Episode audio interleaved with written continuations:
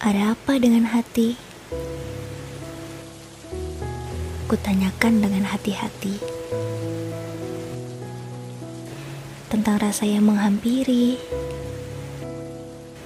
antara dia dan aku sendiri. Bolehkah aku jatuh padanya? Sementara kita berbeda, bukan berbeda pendapat bukan juga pemikiran. Tersekat pada keyakinan. Tak mungkin masing-masing kita relakan. Bagai langit dan bumi. Aku tetap pada tempatku. Dia tetap pada tempatnya. Bukankah ini menyakitkan hati? Bukan hanya hatiku, tetapi juga hatinya.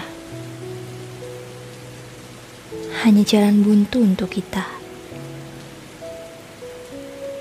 Dan pada akhirnya, kita berpisah.